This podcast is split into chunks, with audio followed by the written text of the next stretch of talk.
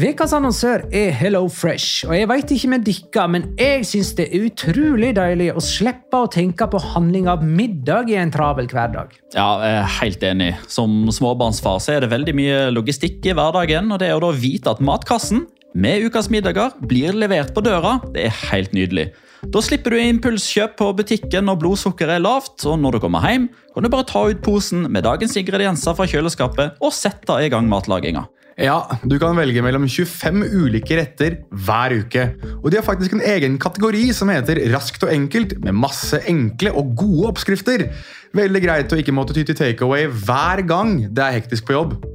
Jeg gleder meg spesielt til sterk chilikylling i min neste kasse. Jeg blir sulten bare av å tenke på det.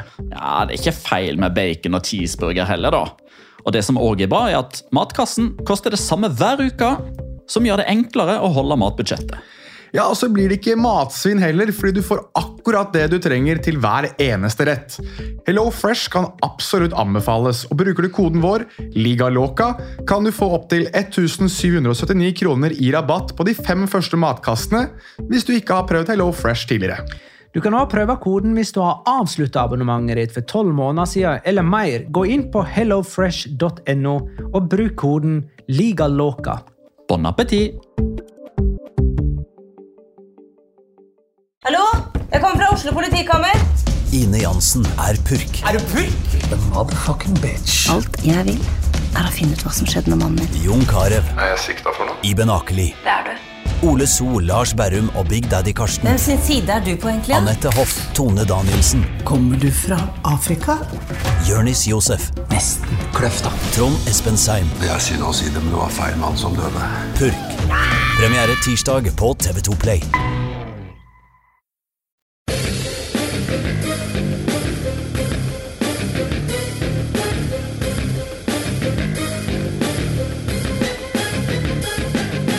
Har du sett? Barcelona er seriemester for 27. gang og feirer med helsa som innsats i fiendens territorium. Spillerne ble kjeppjaga inn i garderoben av hissige Español-fans som ikke så noen grunn til å feire at deres lag nærmer seg segunda divisjon styggfort. La liga loca. En litt gærnere fotball. Ja, ja, ja, dette er La Liga Loca episode 251 av Det ordinære slaget med Jonas Giæver, hei. Home of Shalom. Petter Wæland, hei. Og Magnar Kvalvik, hei. Halla, Magnar. Hei, Magnar. Og hei, Petter! Hei, takk for sist. Takk Lenge for siden. si- Fy Vet du hva jeg har funnet ut i mellomtida? Hva har du funnet ut i mellomtiden? At et av de mest brukte ordtrykkene uttrykkene dine på engelsk i denne podkasten her er en eh, tidligere uh, nummer to i Eurovision i 1993. Ok. Better the devil you know heter sangen til hun som ble nummer to i 1993. Så du forfekter høy Eurovision-fane sjøl. Oi, oi, oi. Se, se hvem som har brent inne med uh, Disse døy uh. Det var uh, Nei, men uh, greit. Du skal få den, Lorin. Men eh, du veit at det ikke er Premier League-fotball når Petter Wæland sitter i La Liga Locca-studio. Ja, det er jo det òg. Vi skal jo det etterpå. Du skal det etterpå, Ja. for nå er klokka nemlig fem. Eh, Og vi må skynde oss å bli ferdig sånn at Petter rekker litt Premier League-fotball. Kan jeg få komme med en shout-out før du begynner? Eh, Det, for den kamp, det er Leicester-Liverpool klokka ni. Ja. Ja. Ja, nei, men skal, Den shout-outen tar ikke så lang tid. Jeg lover det. Ferdig for ni. Ja, jeg skal være ferdig for ny.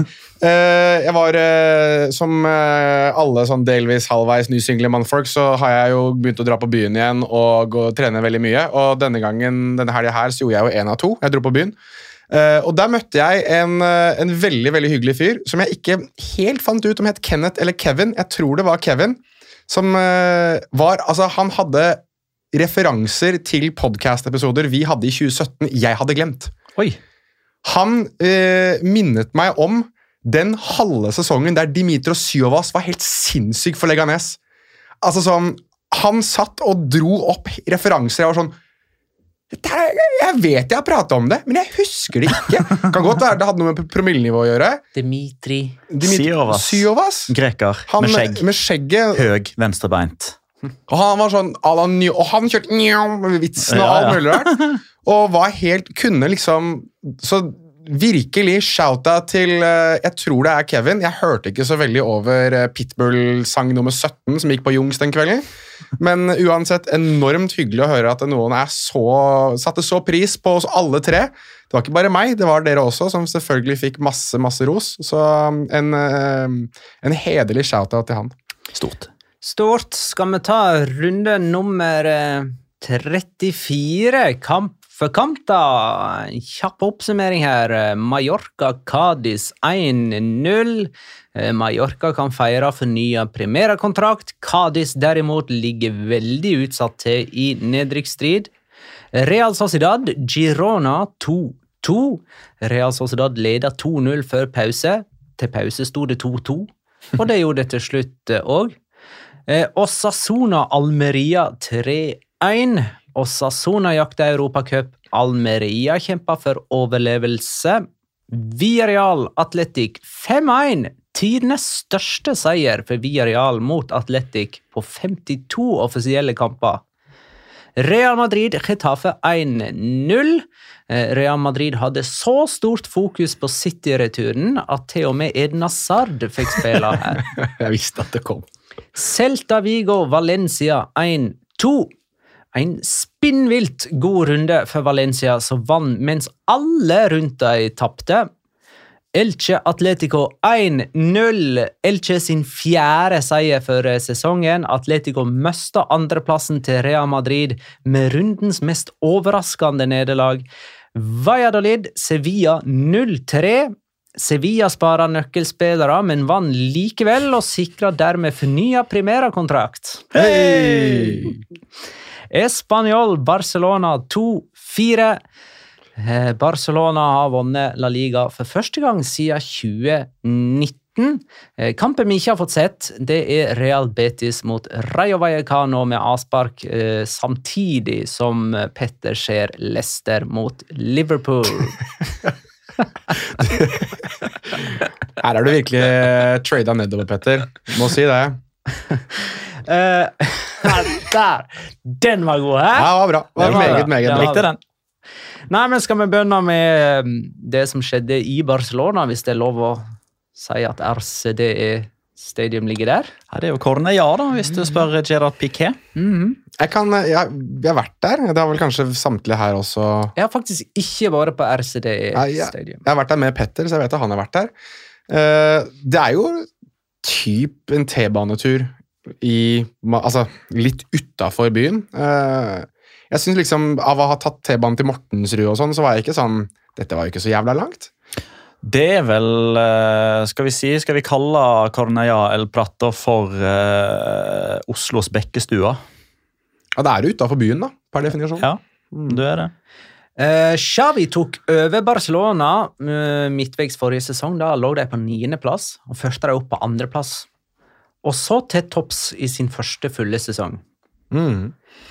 Det er sterkt. Det er Jeg syns dette her er fryktelig imponerende. Eh, selvfølgelig i løpet av sesongen, når man diskuterer liksom etter hver eneste serierunde og man har de forventningene man har til Barcelona som klubb og institusjon, når vi har blitt bortskjemt med gylne, eller de gylne generasjonene, så kan man selvfølgelig peke på at det er mange 1-0-seire, og det er primært eh, det defensive pluss Lewandowski der framme som har sørga for at de har vunnet et trofé, som de òg har fått litt billig av Atletico Madrid og Real Madrid, som ikke har vært på topp. Men hvis man da klarer å ta et enda lengre steg vekk ifra nåtida, da. La oss bare gå et år tilbake i tid. Hvor langt unna de var da. Mm. Eh, hvordan den økonomiske situasjonen var. Det var liksom snakk om eh, at de kunne gå konkurs, og det var snakk om at ah, de klarer ikke topp fire denne sesongen. og Det var liksom ikke måte på hvor ille det kunne gå. Mm. Og så ender de opp med å vinne La Liga fire serierunder før slutt. Og da velger i alle fall jeg å se litt vekk fra at ja da, onoserismoen har uh, våkna til live i Barcelona for første gang. Eh, vi sammenligner de med Atletico Madrid med litt sånn eh, underveis, men dæven, det er imponerende, altså. Det er Ja, ja. fryktelig imponerende. Ja, og um, hvis vi skal ta den kampen her isolert, så Altså, Når Barcelona er gode offensivt, så er de veldig gode. Da er de morsomme å se på. Jeg synes eh, Den første omgangen her så spiller de rett og slett spanjol av egen bane. Og det ser du jo på supporterne òg. Det er liksom det er litt sånn Altså jeg syns, produsere i Spania er veldig flinke. At de skjønner litt jobben sin. Eh, Og så er det jo egentlig sånn You only had one job. Når det går til helvete på en stadion, så må du filme de reaksjonene som er. Men husk det du sier her nå. Ja, ja, jeg, jeg tror jeg vet hvor du skal hen etterpå, men det Ja, går helt fint. Um, men altså, jeg tenker at det å finne alle disse ulike ah, uttrykkene for mis, mishav, da, og at de er forbanna, liksom, syns jeg var veldig, veldig imponerende. Mishag. Mishag, ja. Riktig. Jeg vet det. Det ble, mis, det ble et annet ord der. Ja, Ja, du hører at du driver og puster, eh, så skryt, Det var skryt av produsent eh, der, altså. Eh, Jeg vil jo bare ikke forlate helt eh, Xavi og hans prestasjon enda, for eh, eh, det er jo en ganske sterkt press at han har levert dette ligatrofeet. Dette her var et trofé Altså, det, det var på en måte det var enten dette eller Champions League som liksom minimum ja. Eh, med alle palankas man uh, trekte av eh, i fjor sommer. jeg, jeg husker vi snakket om det i vår eh, sesongoppkjøring, og da sa jeg uh, Skal ikke jeg begynne å, sk å skryte? Det er riktig begrep her. Da bruker du det Ja, riktig. jeg skal ikke begynne å skryte av meg selv riktig ennå, men det kommer i løpet av en eller annen episode, skal jeg love dere, at jeg hadde Barcelona som seriemester fordi de måtte vinne. Altså, De var det eneste av de lagene vi hadde som topp tre, topp fire, som måtte vinne. Og det har de jo da åpenbart klart. Og de måtte vinne enda mer etter at de røk ut så tidlig som de gjorde både i Champions League og spesielt, spesielt Champions League og også så i Europa League. Så eh, det presset som har vært på Xavi, og måten han på en måte har styrt den skuta her ved å bygge, det, bygge laget bakfra, egentlig, altså at han har bygget et forsvar, et robust forsvar, og på en måte fått litt liv i Terstegen, som vi tenkte i fjor at var litt på vei ned, det, det har gjort at eh, de har lagt premissene for at de kan bygge et veldig mye mer eh, Kall det friflytende angrep til neste sesong, da, når de da begynner å kanskje hvis de får inn en spiller eller to til, hvis de kanskje får Rafinha i en Hvis han blir værende i en bedre rolle, eh, eller mer komfortabel rolle. Jeg syns i hvert fall at det er veldig mye eh, Barcelona kan bygge på da, etter å ha vunnet eh, det seriegullet her. Og så er det på en måte et helt nytt Barcelona eh, på så mange vis. Altså, én ting er at eh, den derre De kan kjøpe dommere lenger? Hæ? At de ikke kan kjøpe dommere lenger, tenker du på?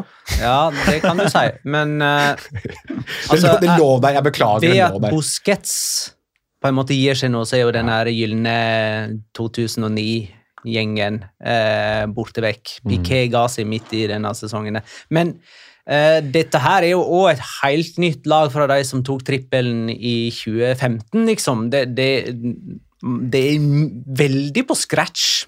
Mm. Det er en stor fornying. Det er veldig mange endringer, og så kommer jo òg denne Dette trofeet kommer jo i en sesong der Pedri har hatt et langt skadeopphold, der Dembélé har hatt et langt eh, skadeopphold, der det er mange nye spillere som har kommet inn. Altså, Vi var jo alle ganske sikre på at Lewandowski på et tidspunkt kom til å bikke 20 allerede i debutsesongen.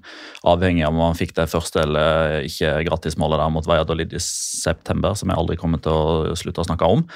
Araujo var skada for øvrig på et tidspunkt. Araujo har vært skada på et tidspunkt, sånn relativt lenge. Du har hatt Gavi, som også har hatt den der usikkerheten. Skal jeg spille med drakt nummer 6? Skal jeg spille med drakt nummer 30? Har jeg kontrakt ut sesongen eller til 2028? Kan jeg spille på A-laget? Kan jeg spille på B-laget?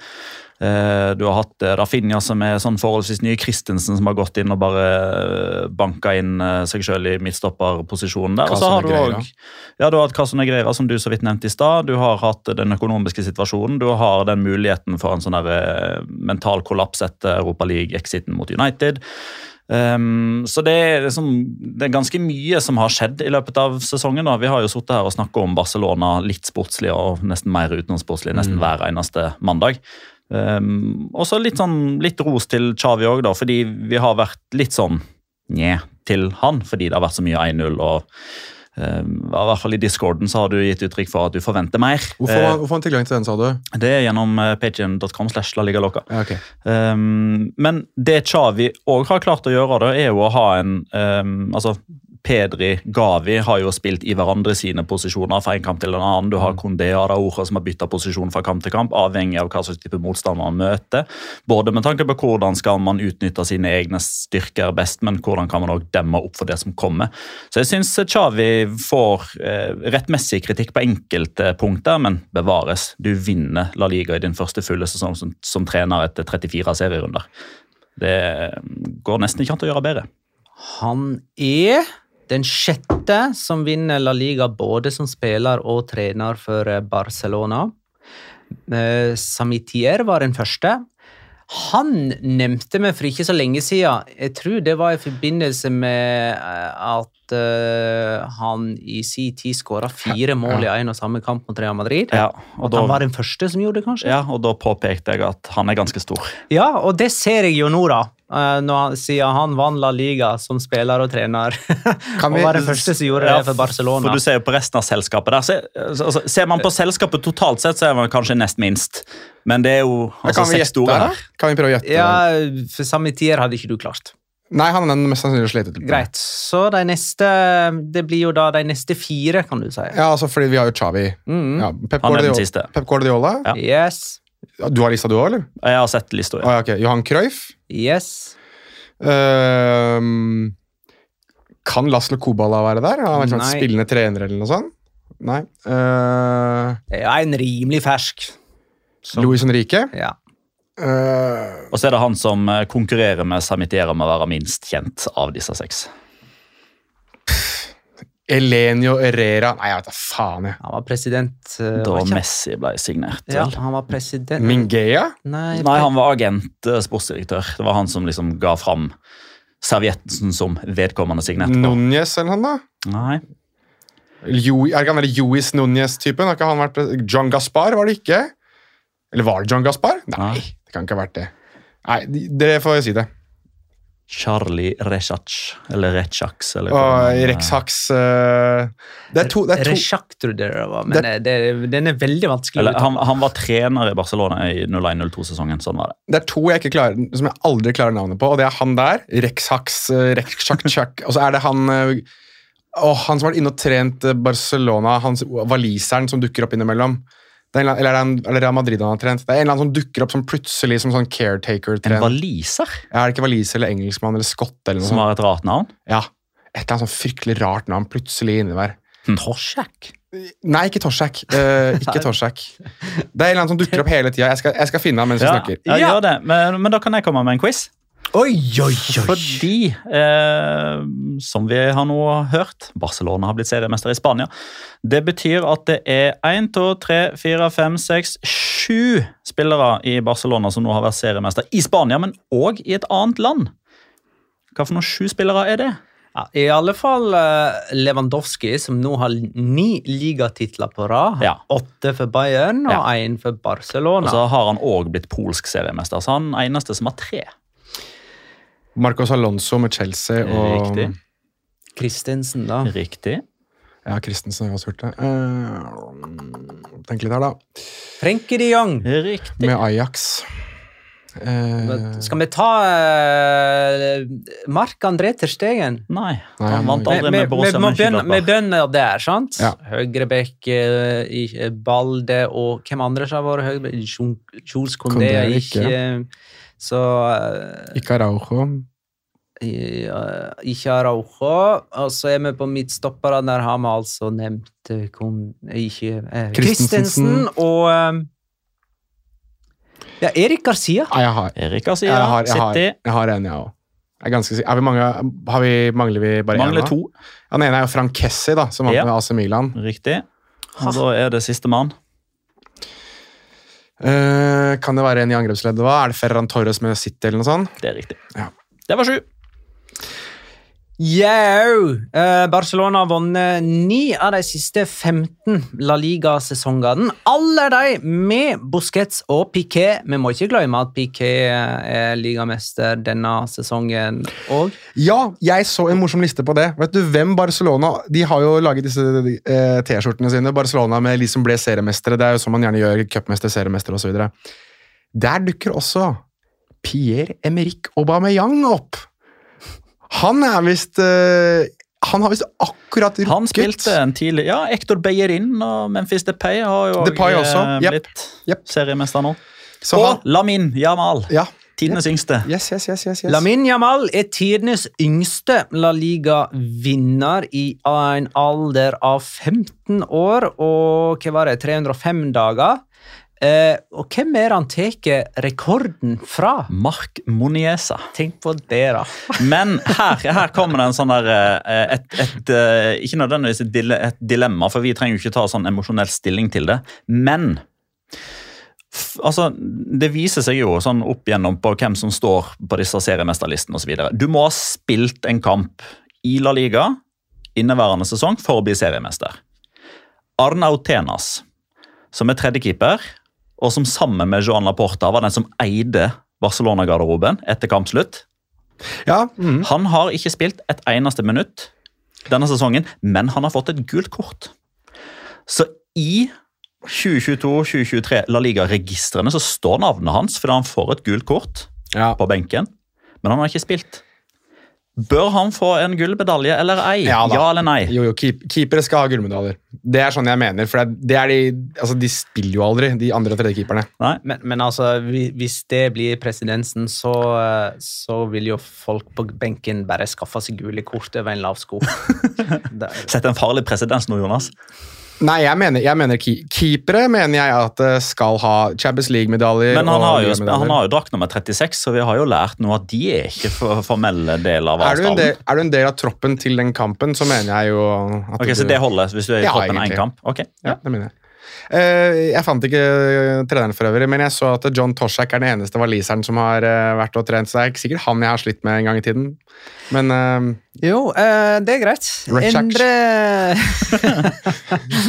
Endre Tengren skriver hvor glad var Ter Stegen egentlig da Barcelona sikra trofeet, men samtidig slapp inn to helt unødvendige mål i jakten på rekord for færrest mulige baklengs.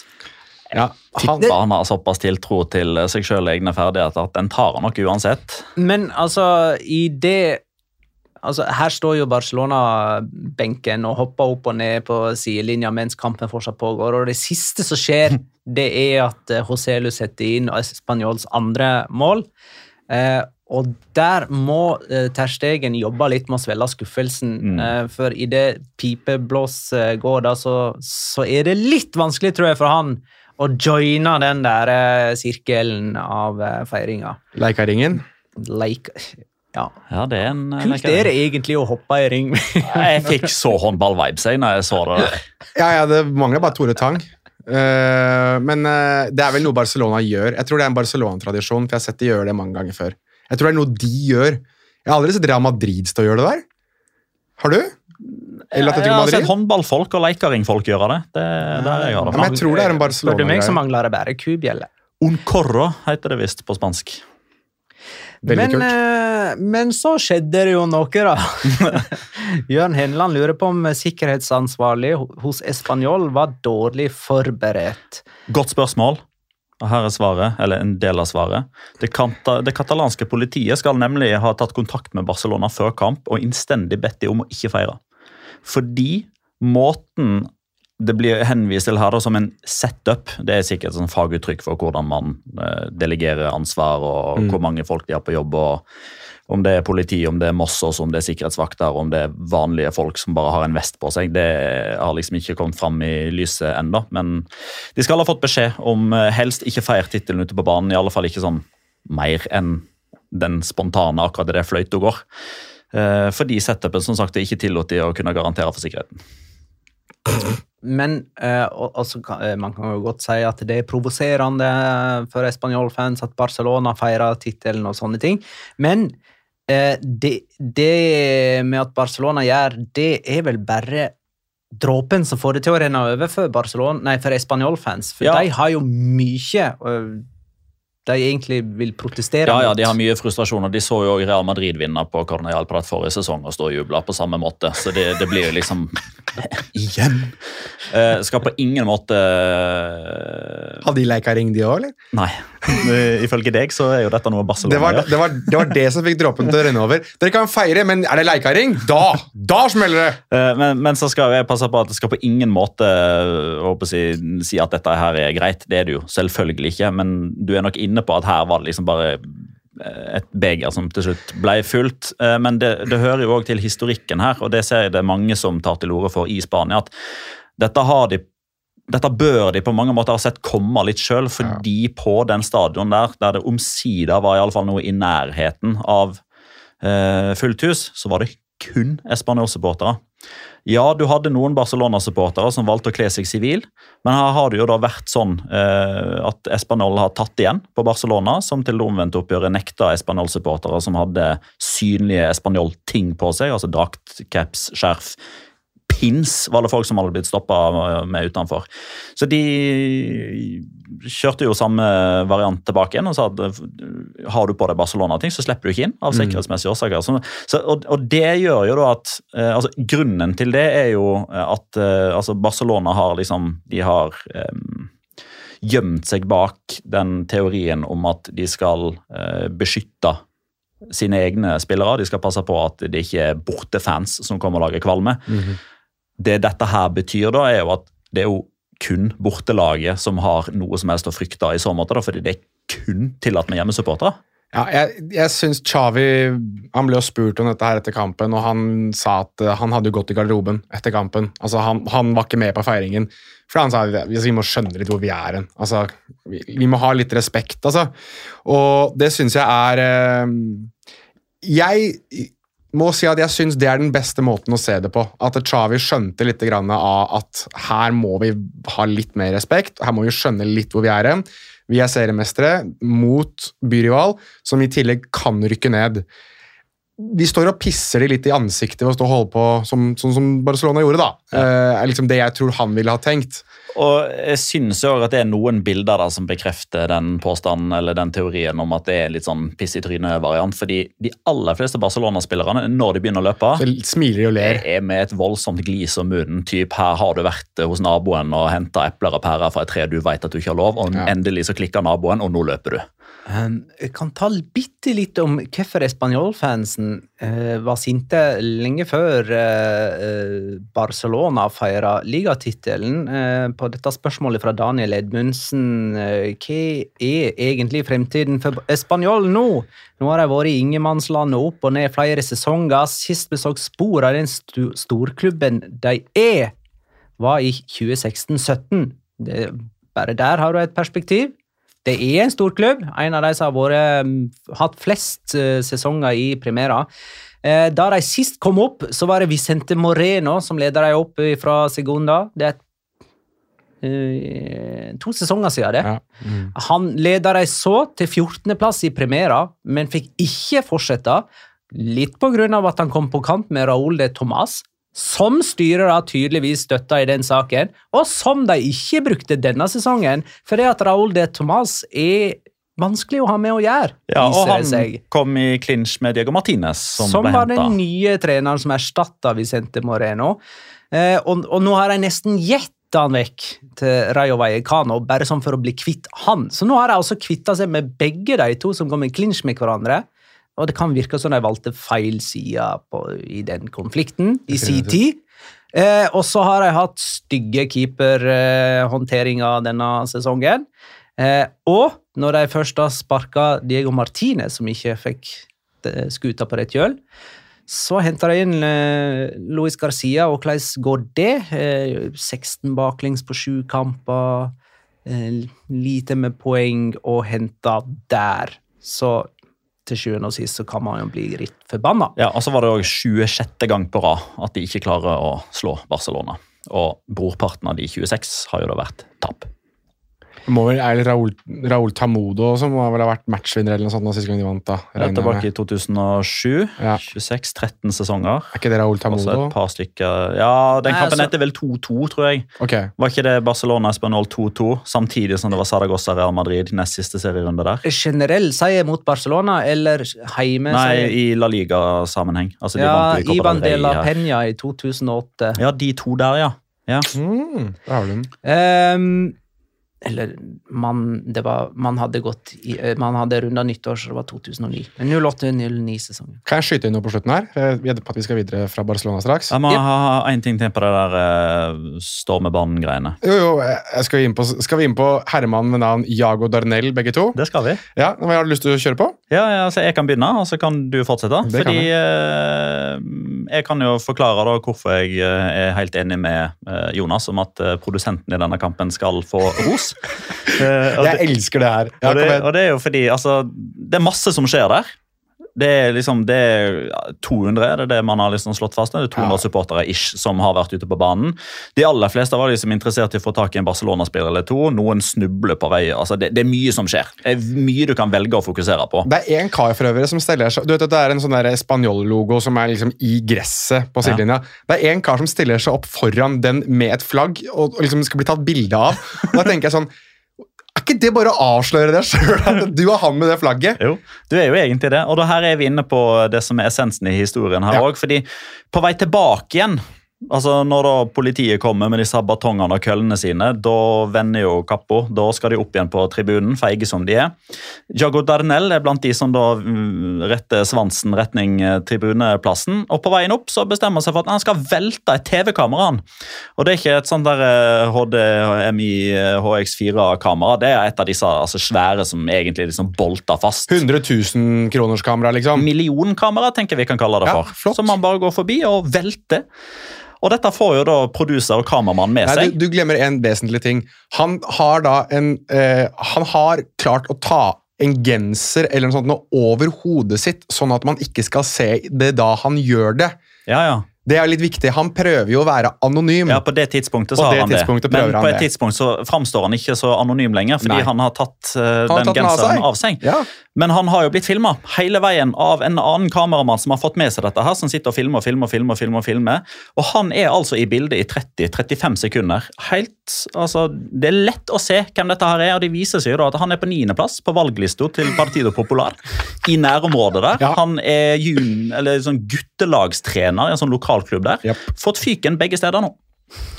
Jago Darnell heter han. Jago Daniel. Så MVP, kameramannen og produsenten som fanga dette opp og sendte det direkte på lufta. Og da tenker jeg at uh, Det jeg sa, var at du er jævlig glup når du velger å ødelegge et kamera på et stadion der det er masse kamera, og et av kameraene filmer deg mens du ødelegger et kamera. Jago Darnell der, altså. Vår, Kameraten. vår mann. Har ikke vi en runden spillernominasjon fra denne kampen? Eller? Jo da, vi har det, og det er jo um, Det var noen som skrev det i eh, discorden vår, nå husker jeg ikke hvem det var, eh, men det kan du jo faktisk finne ut selv hvis du går inn på loca og blir medlem og kommer inn i Patrion. eh, Eller kommer inn i discorden, fordi Der var det en som påpekte at eh, Alejandro Balde var den siste spilleren eh, Og da tenkte jeg det er jo litt feil, for Lamin Jamal har jo også spilt, men i hvert fall av utespillere i Barcelona denne sesongen som manglet scoring. Ehm, og han skåret jo i, i den kampen her og var generelt sett helt enormt god. Altså, Oscar Hill eh, lurer jeg på om nesten må revurdere om eh, fotball er den eh, yrkesveien han ønsker å gå etter den kampen her, fordi han ble altså så rundlurt og driti ut gang etter gang etter gang etter gang av Alejandro Balde, som eh, jeg kjenner at når, når du har en spiller som leverer en sånn kamp helt på tampen av sesongen, i en kamp som ender med at Barcelona vinner seriegull, så blir jeg litt sånn holdt på å si halvkram over neste sesong. Altså. Jeg tror han kan bli virkelig virkelig morsom å følge. Anders HC var det som påpekte Anders at han HC. og Kondé ikke hadde skåra før. Nettopp, riktig. Og det var jo Kondé kom jo litt senere, så det var da alle hadde skåra. Ja. Eh, Real Madrid slo uh, Getafe med 1-0 på Santiago Bernabeu. Ascencio matchvinner med skåring fra utenfor 16-meter. Han har tolv mål denne sesongen. Og åtte assist. Aldri skåra flere. Aldri hatt flere målpoeng heller. Dette er hans beste sesong. Men i skyggen av Rodrigo Venicius og Benzema. Det er veldig lite han har spilt. Har du trent inn det her? Jeg lurer på om det er bare Nei, hvem er det? Eh, Det er bare én spiller som skå, trenger færre minutter per skåring eh, enn Ascencio i Real Madrid. Husker ikke hvem det var i, denne, i farten. Mar- Det var Benzema som har flere hat trick og sånne ting. Han spiller jo nesten alt år, da. Ja, Tenker kanskje Rodrigo. Jeg vet da faen, jeg. Sikkert en eller annen Det er en eller annen av disse her superstjernene som uh, Ascenso kommer i skyggen av. Altså, hadde han spilt for hvilken som helst annen klubb, både inkludere Barcelona og Atletico Madrid, så hadde vi snakket om han som en type MVP. Uh, Getafe sto æresvakt for Copa del Rey-vinneren. Uh, hvor mange av de Real Madrid-spillerne som starta her, starta òg mot City, tror jeg ikke, foruten Courtois, som sto i mål, da. Eh, jeg, Kamavinga, Valverde. Kamavinga spilte midtbane. Men kan skade? Kampen. Jo, men han er frisk igjen. Okay. Eh, Mendy spilte jo venstre back, men han kommer Nei, nei, nei, nei, nei, ikke til å nei, nei, starte mot City. Så Kamavinga blir sannsynligvis ført fra midtbane og tilbake til venstre back. Ja. Og så Valverde nevnte du. Ja. Og så er det jo mulighet for Militao. Ja. Men jeg har egentlig litt tro på at det blir Alaba Rudiger. Jeg er litt usikker på Jeg tror kanskje jeg kjører Alaba på venstrebekken. Det er jo òg mulig. Ja, da, Hvor skal Kamavinga da, da? Nei, på midtbanen. Jeg er litt usikker på om både Kroos og Modric eh, starter på Etiad. Hmm. Er godt Men uh, Chouameni Han starta mot Retafe sånn at det er sagt. ja. Bernt, Nei, hva er jeg- meningen med det? jeg tror ikke Syns dere det var morsomt, eller? Nei, jeg, Jeg liker den. Jeg, altså, jeg hadde vurdert å kjøre en sånn der jeg kan forkjøle da. Achuameni. Nei, altså Petter har jo, kjører, han har jo et ordspill Nå må du se Når du skal se Premier League-sendingen etterpå med, med Premier League-ekspert Petter Wæland, så må du se han har alltid et ordspill i løpet Jeg har lagt merke til Du har, du har et mål om å ha et ordspill i hver sending. Ja. Du klarer det hver gang. Ja, er det sånn derre Nei, forrige gang så var det at eh, Ab- Veddemål, eller? Nei, det er ikke det. Det er, bare, det er liksom trademark. Altså, Trademark. Ja, Eh, den som venter på noe Gatti. ja, for eksempel. Ja, det vet ikke forgjeves. Og Abdullahi dukker opp på bakre stolpe. Der har du det! Hør på han! At, eh, On a roll. I can't help it! Men, men er sitter du sånn og tenker altså, På hvert navn du ser, så tenker du sånn Hvilket spill kan vi bruke? Vent nå litt. Du har, okay, du har kjent Petter i hvor mange år? Ti år, ikke sant? Jo, men jeg har aldri det, spurt om hvordan han tenker. Nei, men jeg klarer ikke å forklare det heller. Det er ekstremt mye som foregår oppi her som ikke lar seg forklare. Det er nettopp det som er poenget mitt. Nå prøver du å finne ut hva som foregår i skallen på han. Peter Losvik spør om ikke det lukter litt Real Madrid Champions League masterclass før returoppgjøret på onsdag. Som altså er 17. mai. Sånn Ja, det gjør jo egentlig det. Jeg så en sånn Real Madrid-konto som hadde liksom eh, hadde i alle fall én grunn til at det kom til å skje. Det var jo at eh, Real Madrid er jo liksom de som alltid setter en stopper for sånne lange rekker. Altså Bayern hadde ikke tapt eh, på så og så mange kamper, og så kom Real Madrid og vant 4-0. Juventus hadde ikke tapt en kamp på Allianz Arena på så og så mange kamper, og så Allianz vant Stadium. Ja, Bayern er Arena og Juventus er Stadium. Riktig. Og Nis Allianz Rive- Riviera. Ja, Ja. riktig. Um, Sandefjord, har de noe sånn alliansegreier nå? Sandefjord-alliansen, sikkert. Jeg tar faen. Det er, Poenget var uansett at både eh, Bayern München, Juventus og Barcelona har fått lange sånne europarekker eller sånne hjemmebanerekorder bare knust av Real Madrid med henholdsvis eh, 0-4, 0-3 og 0-4.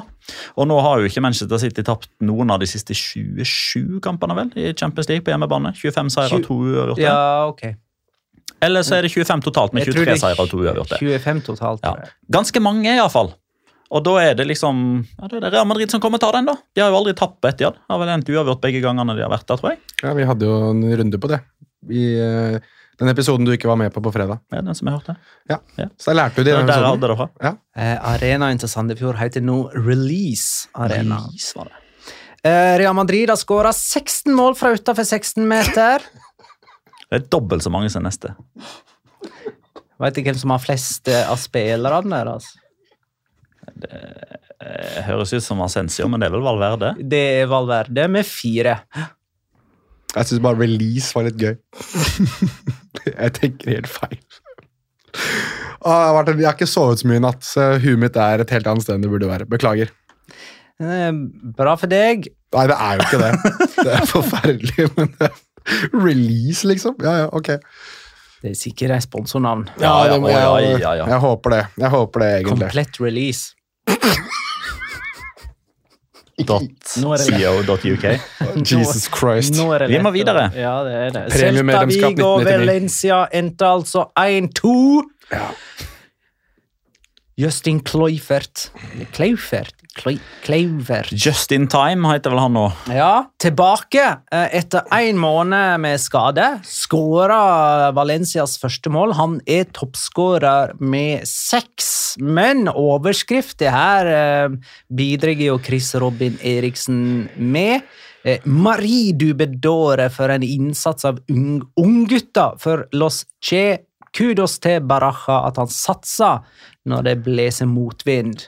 Mm, jeg er enig i det. Ja, det skal han ha. Javi Guerra, som ble matchvinner mot uh, Valladolid. Uh, Diego Lopez hadde jo assist på 1-0. Alberto Mari skåra jo nå mot Celta. Han fikk jo også en skåring annullert veldig seint mot Villarreal. Så de har jo liksom noe i seg, disse ungguttene. Og jeg hørte Hvem var det da? Var det Graham Hunter som var sidemann på Celta Det det. Valencia? Han snakka jo om at eh, det er, liksom, det er en genistrek, og det er en genistrek fordi disse ungguttene de kjenner ikke til begrepet frykt på en fotballbane. Det er nok et godt poeng, faktisk. Ja. Og så er det jo strengt tatt spillere som En del av de har jo også vært oppflaska i systemet og vil jo da kjenne litt mer på altså Både den æren og det det, det det betyr da, å spille for Valencia. Og det tror jeg faktisk um, er noe av grunnen til hvorfor det går så bra. Um, og så synes jeg det er Her starter jo, som vi var inne på, Baraja starter med både Haviguerra og Diego Lopez. Og altså, jeg syns det er kjempetøft, det. Å tørre å gjøre det. Spesielt i en sånn kamp som dette, som jeg Det er ekstremt lett å bruke det mot dem hvis det ikke funker. Jo, jo, selvfølgelig, men jeg, men jeg tror samtidig så har du veldig mye mer å vinne. Du, har- du har noe å tape, men du har enda mer å vinne på det hvis det går bra. Ja. Um, rett og slett for at Da har du gitt liksom, ungguttene en sjanse. Da har du vist at du faktisk er, er fremtidstenkende osv. Uh, og så er den kampen her er en sånn type altså Også sett i lys av det du var inne på i innledningen, Magnar, at alle rundt de taper. Dette er en sånn kamp som fort blir definerende dersom Valencia skulle overleve. da. Eh, fordi det, Å vinne borte på Balaidos det, ok, det er kanskje ikke verdens vanskeligste ting denne sesongen, her, men for Valencia så har selv de enkle tingene vært jævlig vanskelig. Så det, um, det kan være at de får litt vind i seilene, og at de kjenner at det kanskje er grunn til å være litt optimistisk. Men jeg syns at de vinner her, er veldig bra sett i lys av at jeg tror de taper neste runde. Da møter de Real Madrid på Mestalla. Da tror jeg Real Madrid vinner. Og så Getafe, som nå mest sannsynlig er det ene laget de kjemper mot, får jo da denne gratis trepoengeren mot Elche, som alle de der nede altså alle de der nede skal liksom gjennom Elche på et eller annet tidspunkt og hente med seg tre poeng.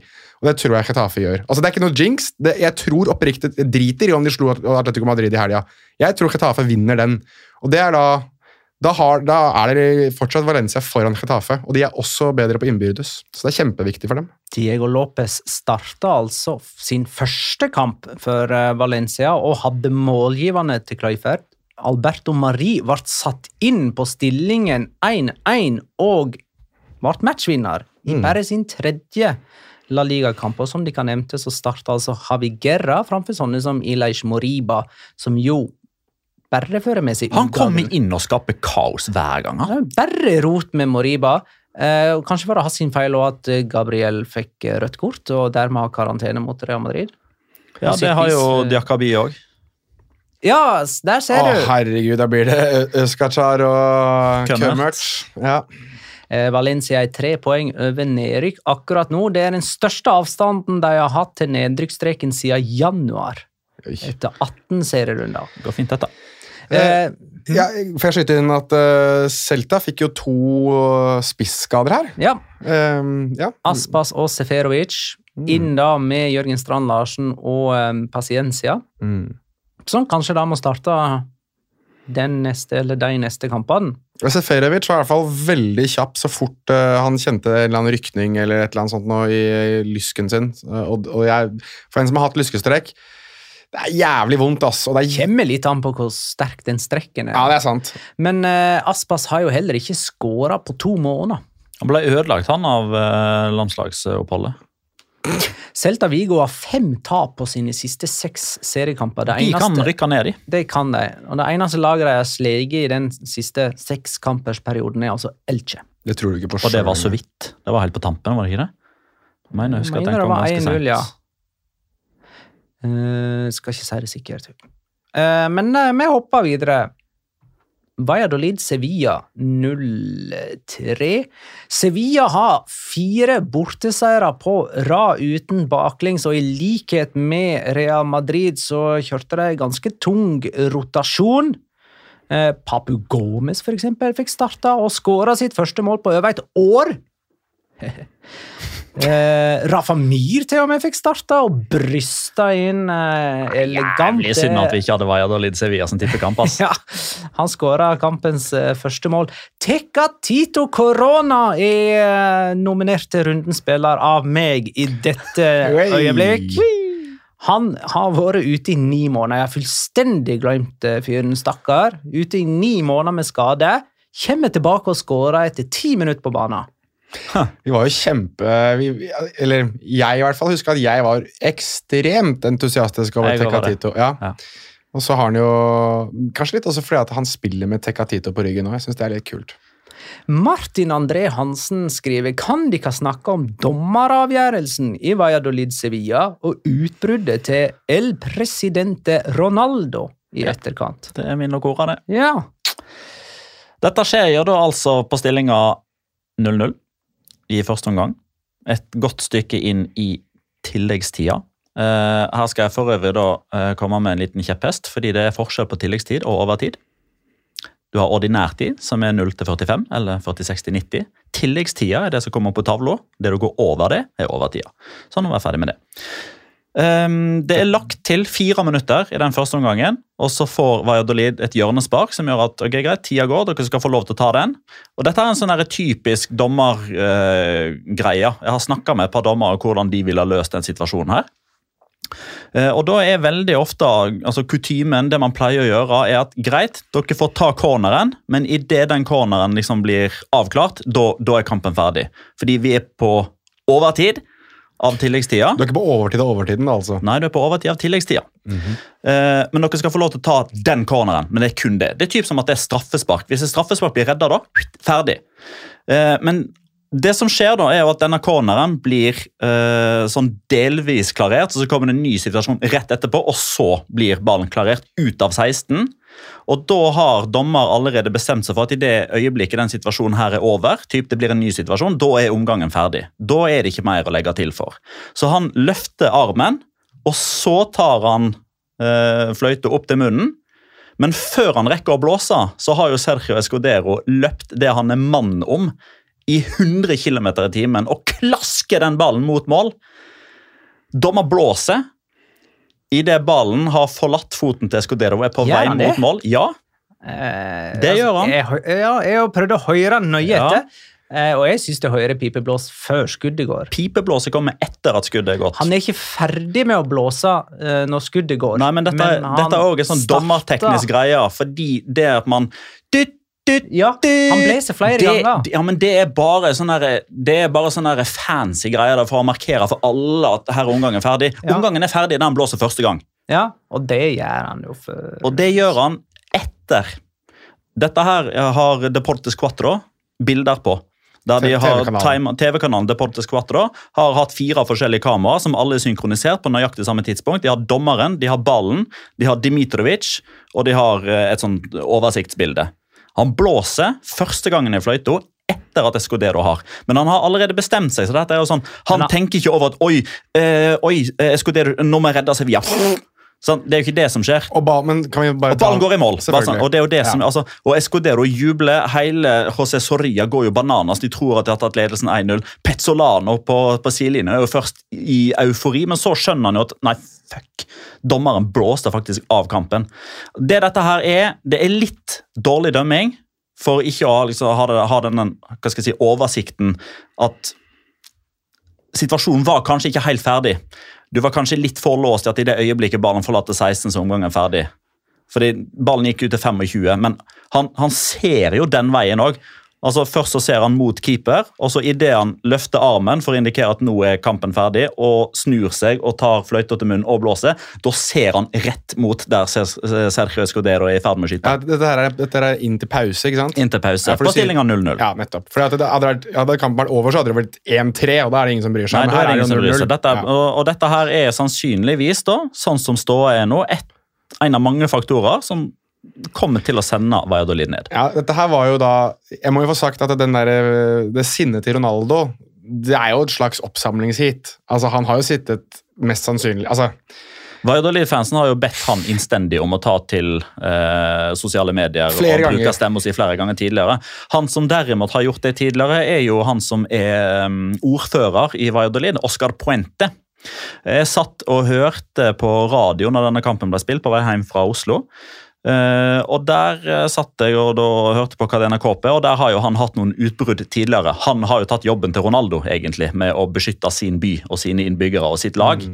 Eh, og nærmest på kommando så ringte jo han inn til Cadena KP senere på kvelden for å komme med en ny sånn utblåsning om at dette er alle er mot oss og dette er en skam. og det er ikke måte på. Um, så godeste Ortiz Arias, uh, som for øvrig da i forrige kamp han dømte, både måtte ut på skjermen for å uh, få med seg at det ikke var hens når ballen treffer ryggen til en spiller inn i 16, og måtte ha videohjelp til å vise at en kvesting av eh, Dani Vivian til Borja Iglesias faktisk fortjente rødt kort. Så han er ikke i en god stim for øyeblikket. Under Mendelibar har Sevilla tatt 2,37 poeng i snitt per kamp. Bare Xavi har høyere poengsni- poengsnitt denne sesongen. Så om Mendelibar hadde hatt Sevilla fra sesongstart, så hadde de blitt nummer to. Og dersom eh, José Luis Mendelibar hadde vært Donald Trump, så hadde han sagt 'stop the count', for han er tidenes beste Sevilla-trener. Oi! Etter eh, elleve kamper. Eh, altså i seriesammenheng, da, med 19 av 24 mulige poeng. Ja, det er sterkt. Elche Atletico Madrid endte 1-0. Eh, Atletico hadde kun tapt mot Barcelona i 2023 i eh, ligaen, og så kom altså Elche. Her er min locora. Dette er tredje kalenderåret på rad at Atletico taper mot bunnlaget. De tapte mot Alaves i 2021. Da hadde Alaves null poeng på det tidspunktet. Så tapte de mot Levante i fjor, og da hadde jo Levante den utrolig lange rekka der de ikke hadde Ja, sånn vunnet en eneste 8, 37 eller 30. Nei, det var. Klerk som hadde så mange, det. Ja, Levante hadde vel 28 eller noe sånt? nei, jeg tror de gikk sånn 19 kamper fra sesongstart. Altså sånn som Elche ja, også, hadde nå. ja, og så hadde de òg en sånn 7-8 sesongen før. Ja, ja, noe sånt, ja. Stemmer. Og så, så slo de altså Atletico Madrid, og nå gjorde Elche det òg. Og vi snakker ikke liksom bare sånn bunnlag på det tidspunktet. De møter Real Madrid. Vi snakker lag som ender opp med å rykke ned med ganske god margin. Første Elche-seieren mot en av de tre store siden 1985. Det er riktig. Og hvem var det de slo i 1985? Det var Atletico Madrid. Oi! Det var det, ja. ja, ja. Ringen er slutta. Har ikke du òg en locora for denne kampen, da, Jonas? Ja! Eh, kanskje ikke fra denne kampen, men den er Atletico Madrid-inspirert. Det er den. Men den er også Real Madrid-inspirert. Fordi eh, vi har jo hatt et lite tilfelle av to La Liga-kjenninger som har møtt hverandre på trenerbenkene. Eh, for henholdsvis ungdomslaget til Atletico Madrid og ungdomslaget til Real Madrid. Fordi eh, Vil du si noe? Ja, vi har fått et spørsmål om det, faktisk. Ja, ja. Nei, men Da kan jeg jo ta det, jeg. Ja.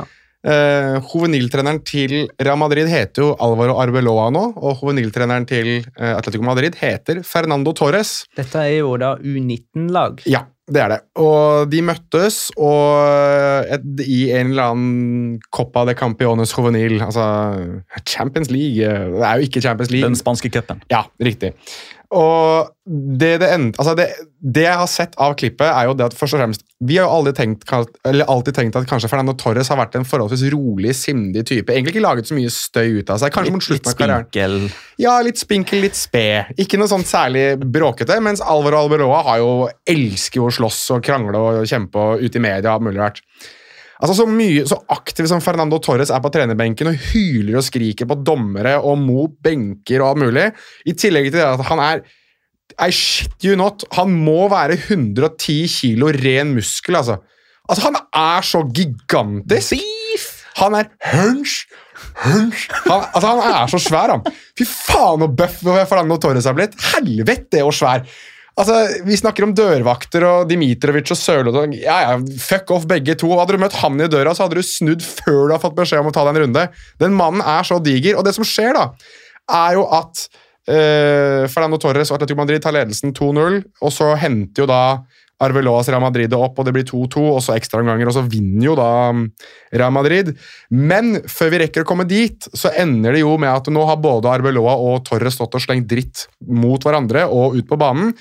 At det koker over for Arbeloa, som går bort til Torres og går opp i trynet på han. Og det burde du jo ikke gjøre når du møter da 110 kilo med madridsk buffalo på siden der.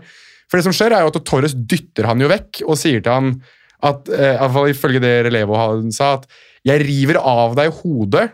Og da hadde Arbeloa svart 'start når enn du vil'. Eh, så altså, det hadde blitt fullstendig kalibalikk på sida der, og så hadde Torres blitt vist av. Og en video fra en eller annen på tribunen, altså sånn som det er i Spania, så hyler du og skriker fra tribunen mot treneren. Og det er en eller annen som skriker noe til Torres, og Torres titter opp og sier at eh, ja, du er jævla klovn som tør å stå og si det der oppe. Sånn typ, Kom ned og si det til meg her nede. Og jeg tenker hvis Fernando Torres, sånn som han ser ut der, og han står og du ser at det bare adrenalinet pumper, så hadde jeg vært livredd for å si noe mer. Eh, Det er Viktor Hallnes som spør eh, hvem eh, som hadde gått av med seieren mellom, mellom Fernando Torres og Alvaro Arbeloa i ringen. Og på banen så var det Arbeloas U19 Real Madrid som gikk seirende ut, da. I ringen hadde det vært Torres, Jeg kan love deg. Jeg tror Arbeloa hadde tatt det, på sånn uh, dark eh, Sånn her variant. eh, Ja, altså, jeg ser Swing litt- like a butterfly. Ja, jeg ser, ser like for meg en sånn der tegneserievant med den der enorme og så er han der bitte lille. Så bare gjør han sånn, bare finner sånn ømpunkt og så bare poker litt, grann, og så pss, går lufta ut av ballongen. er Jerry, Real altså. Sociedad Girona 2-2. Um, I begge kampene mellom Real Sociedad og Girona så har det stått 2-2 til pause. Uh, på Montelivi så endte det med 3-5 i, i favør av eh, Real Sociedad til slutt. Men på Anoeta altså 2-2. Det har blitt tolv mål på disse to kampene. Eh, David Silva skåra og er nest eldste målskårer denne sesongen, etter Luka Modric. Det er Altså, hvis Silva skårer om 35 dager, så blir han den eldste, men jeg tror ikke det er 35 dager igjen av eh, sesongen, så han rekker ikke det. Eh, Det er fjerde året på rad at eh, Real Sociedad er over Atletic, og dermed er Baskalands beste lag. Det er òg fjerde år på rad at Real Sociedad sikrer seg Europacup. Ja, Det er offisielt et Europaligalag nå, vel? Uh, ja. Det Det, var- kan ikke bli tatt igjen av nummer sju. Ja, det var noen som, det var noen sånn feiring over det, så jeg, blant Real Sociedad-supporterne. Og det er fem poeng ned fra den fjerdeplassen de har, til Via Real på femte, så det lukter jo Champions League da for Real Sociedad. 19 forskjellige målskårere nå for eh, Girona. Fordi ja, Jonas, John Coto han får den Nydelig. skåringen fordi det er på vei mot mål. Flott. Jeg trenger ikke noe mer enn det. Det diskuterte vi for øvrig litt i Discord, som du får tilgang til gjennom du ha, Petter. Orel Romeo utvist. Ja, Det var på tide. Ja, det var det. Det var det. Men eh, han har gjort nytta si. Han har han har tatt uh, statusen til Casemiro, han egentlig, og balanserer på den der uh, knivseggen hele veien. Kan jeg få skyte inn kjapt hvem han er i det norske samfunnet? Oriel Romeo. Ja, Han er en, han er én spesifikk person. Som han er lik på. Geir Lippestad. Nei, nei, ikke utseendemessig, men nei. væremåte. Han er den personen som sniker på trikk, buss, T-bane hele tiden. Kommer unna med det hele tiden. Og når du spør hvorfor gjør du det, så er han sånn Ja, nå har jeg gjort det så lenge at jeg har tjent på det hvis jeg blir tatt en gang. Eh, Villarreal Atletic Klubb endte 5-1. Der har vi en runden spillernominasjon, Petter. Ja, det har vi. Eh, Der kunne det for så vidt ha blitt valgt ganske mange, for det var en meget meget imponerende forestilling av eh, Villarreal. Men jeg valgte Alex Baena. Eh, naturlig på ett vis fordi han ble tomålsskårer og er oppe på tolv mål denne sesongen fra sin midtbaneposisjon. Han har virkelig fått sitt gjennombrudd, og kanskje husker vi han for noe annet enn at han ble slått ned av Federico Valverde en gang i tida. Um, men grunnen til at jeg velger han egentlig, det er fordi han skårer på frispark. Det var den første frisparkskåringa til Villarreal på 28 måneder. Januar 2021 var forrige gang, og det var Parejo. Og Derfor har jo jeg i discorden, som du får tilgang til gjennom pagen der, Nei, nå er det mye, ass. Ja, det holder nå. Eh, tatt til orde for at kanskje er på tide å ja, Parejo, kanskje du skal la noen andre ta både straffe og frispark og liksom frispillings eh, bakfra. og Kanskje la noen andre få slippe til snart. Eh, men det fikk meg til å tenke på hva i alle dager har skjedd med de gode frisparkskytterne i La Liga? Fordi dette, mine venner i studio og mine venner som har meg på øret akkurat nå, dette var frisparkskåring nummer tolv i La Liga denne sesongen. Tolv frisparkmål på 340 kamper. Jeg syns det høres masse ut, faktisk. Det er forsvinnende lite. For i 2016-2017-sesongen så ble det skåra på 63 frispark. 62 av de var Lionel Messi. Og, og det si, siste var Cristiano Ronaldo. Ja, det var Nei, siste, det var jo, siste han altså- scora på. Nei, men altså ko- Jo da, morsomt. Poenget her, da Kom med noe name-drop. En god straffe, nei, en god frisparkskytter som spiller i La Liga nå.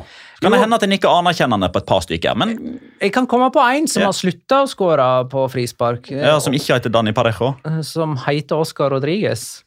Ja, han, var, han hadde en trademark. Annenhver frispark for Levante, Ja. men så gikk han til Sevilla. For og Leganes, ja. Leganes var det. Ja. Så gikk han til Sevilla og nå Celta Vigo og har ikke Ja. skåra siden. Men ikke nå lenger. Nei. Nei. Har vi noen andre. Antoine Griezmann da, han var jo var god på frispark han en gang i tiden. Kanskje en gang i tida, men ikke nå lenger. Memphis Depay Altså, var god. Post-Messi-æraen så har Oscar Rodriguez og Florian Lejeune Ja, ja. skåra på flest frispark i La Liga. Det er to mål! Lejeune er god. Lejeune, han er ikke god når han har skåra to frisparkmål på to fulle sesonger. Da er han ikke god. Har du Vi lista? sammenligner med Juan Roman Kelme, Santi en, Marcos Asunsao, Diego Forlan, som Goti David Beckham, Roberto Carlos, Fernando Hierro, Lionel Messi, Ronald Koeman, Cristiano Ronaldo. Hvor er dere nå?! Ronald Koeman er, eh, har lagt opp, Petter. Ja, Det er jo Det som er poenget. Ja. Det fins ikke gode frisparkskyttere i La Liga lenger. Hvor er Enes Bardi? Han var god! Ja, Han var veldig god. Hvor er han, Han nå? er vel i segunda divisjon, Og har skåra null mål på frispark denne sesongen. Nabil Fikir var den jeg skulle eh, ta til ordet for. Han er jo skada. Han hadde sikkert Men eh, han skårer ikke mye på frispark. han. har sikkert lagt på et par til der, han da. Men da eh, kom ikke vi på flere, og går videre til oss. Nei, for nå må det faktisk nevnes at Kikiset igjen har et poengsnitt på 1,69, og Unai Emery har et Nice. poengsnitt på 1,63. Ha! Ja, eh, det er- 69, var det du sa? Yes. Jeg har utheva den faktaen der, jeg òg. Så det var bra du tok den. Et, et siste spørsmål. Hvor mange kamper på rad har Parejo vært skyldig baklengs nå? 69. Nice. Nei, det blir vel tre, da. Ja, I alle fall tre kamper på rad. Ja. Eh, her lagde han straffe. Hva kjenner det? Jo. Eh, de, eh, dessuten, eh, Atletic Klubb klarte å skåre selvmål her òg. De, har- de er toppskårere på den fronten, med fire denne sesongen. Osasuna Almeria. Det endte 3-1 til den tapende cupfinalist. Her sto eh, klubbene æresvakt for Mateo Laos. Det Var var, det begge, eller var det bare det Osasuna? var bare sånn, tror Det var bare bare Sona, faktisk. Fordi det er un club de senores. Jo, men eh, det fortjener Altså, du kan si hva du vil om dømmingen til Matheo Laos, men eh, etter lang og tro tjeneste så fortjener en dommer eh, gullstol og litt til. Ja, jeg er for så vidt enig, men jeg er litt usikker på om Del Cerro Grande kommer til å få det. Hilman Sano. Han gir seg jo òg denne sesongen, men det er jo ingen som snakker om det. Ja, han er for gammel. Ja, han burde òg få æresvakt eh, til slutt. Hvor gammel er Del Cerro Grande? Han er jo åpenbart 45 eller 46, da, for det er det som er aldersgrensen. Vent nå litt. Ok, Så Mateo Laos og Del Cerro Grande er like gamle? Ja. Ok, ja, fordi hvis du Nei, nå Del, Del Cerro Grande er ett år eldre. Han er eldre?! Ja. Ok, hvis du er Men kjære lytter ba, bare sånn Jeg må bare, da, jeg må bare forsikre meg her. Ja, ja. Eh, for noen ganger så blander du et par dommere. Mener du at Mateo Lahos ser gammel ut, eller mener du at Del Cerro Grande ser ung ut? Jeg syns Del Cerro Grande ser betraktelig yngre ut enn Mateo Lahos, ja. Ok. Han er, altså har han altså det hjelper jo sikkert ikke Mateo Laos at han har mista håret, og at Del Cerro Grande fremdeles har Cristiano Ronaldo-sveisen fra 2014. Det hjelper jo ikke det, men jeg tenker hvis du nå, kjære lytter, stopper podkasten litt her nå, og så søker du opp Carlos Del Cerro Grande, og så søker du opp Antonio Mateo Laos, og så tenker du at de to er like gamle. Det er litt som at Ibrahim Afelai er faktisk eldre enn Charlie Adam. Tenk at han er eh, 47 år. Men når du, Carlos de Zero Grande Ja. han eh, ser mye yngre ut. Han kunne ha vært 37. Ok, Nei, han er født i Eh. 1976. Nå skal vi se! S. Abde skåra for sona. Rundens mål, eller? I alle fall en eh, ganske heit kandidat. Må jo være i Xavi sine Barcelona-planer til neste sesong, Esabde. Eh, vi avslutta runden med Mallorca Cádiz 1-0. Er det noe mer å si om det? Ja, eh, men det er det som skjedde etter kampen. Altså, du nevnte det jo i oppsummeringen. da. Mallorca er safe. Gratulerer så mye. Eh, de kan ikke bli tatt igjen av alle som må ta det igjen for at de skulle kunne rykke ned. Ja. Eh, men eh, det var jævla gøy et intervju etter kampen med El Argero. eh, der du var fredag kveld, var det ja, ikke det? Ja, jeg var der. Um, fordi, Spansk TV-kanal. For, radiokanal. For et Web-TV også. Du trodde det var på TV, du?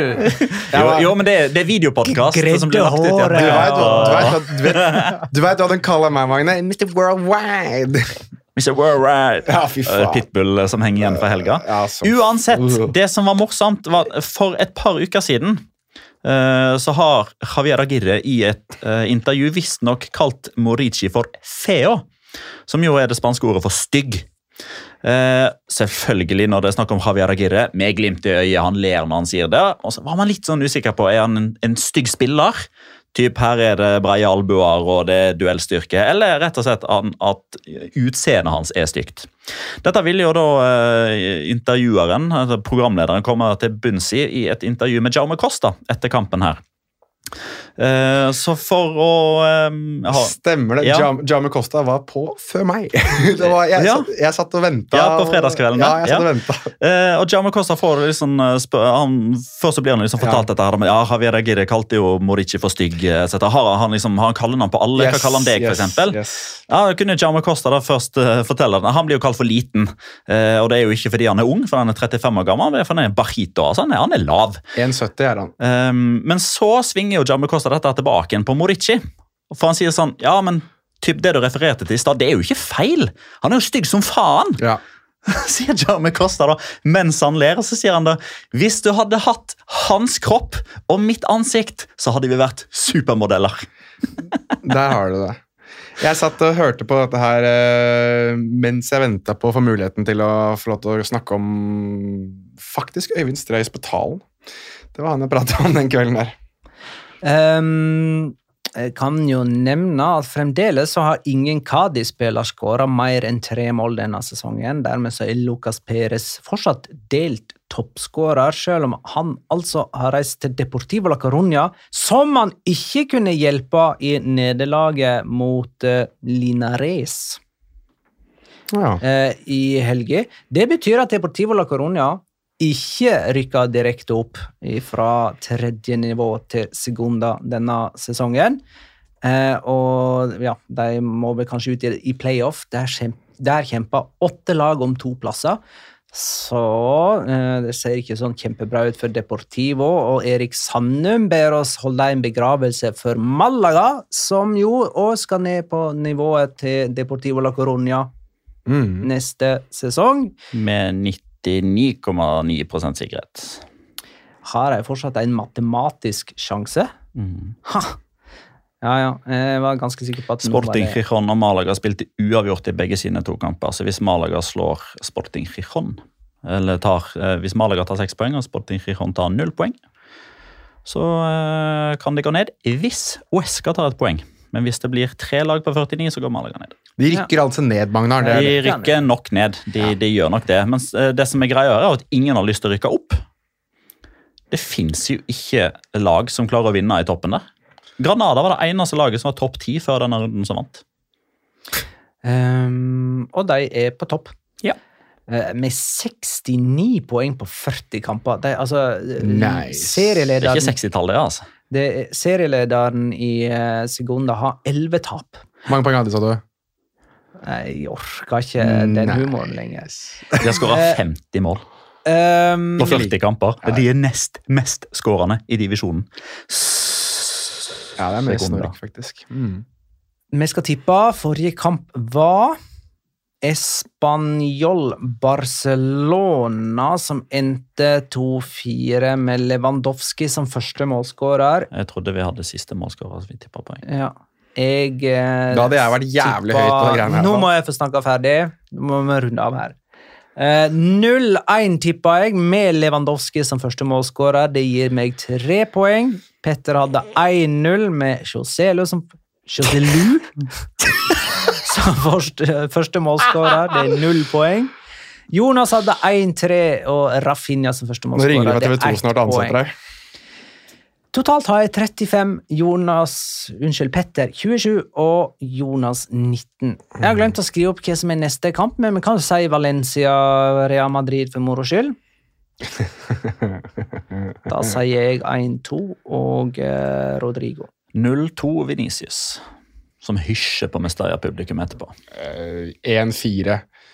Uh, d- d- Benzema. Du sa 0-2. Ja. Vinicius. Jonas sa 1-4. Mm.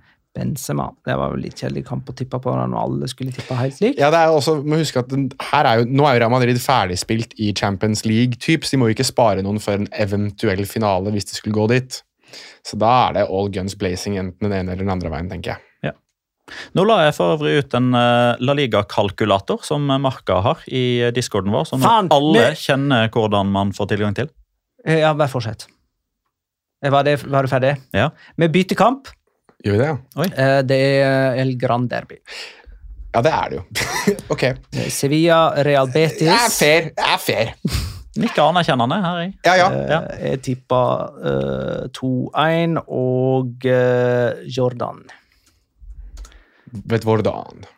Um, ja, for det er Sevilla som har hjemmebane. Ja. Sevilla Betis en 2-2. Uh, og eh, siste målskårer er òg første målskårer. Pandaen. Iglesias. Jonas. Eh, pff, ja, du satte meg litt sjakk her. Uh, 3-1. Og første målskårer uh, Fy faen, vi går for Josef N. Siri. Det var det. Takk for at du lytta, kjære lytter. Ha det, da.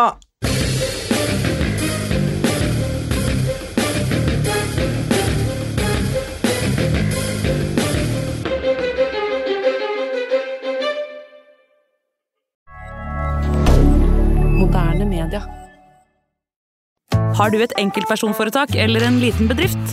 Da er du sikkert lei av å høre meg snakke om hvor enkelt det er med kvitteringer og bilag i fiken, så vi eh, gir oss her, vi. Fordi vi liker enkelt. Fiken superenkelt regnskap.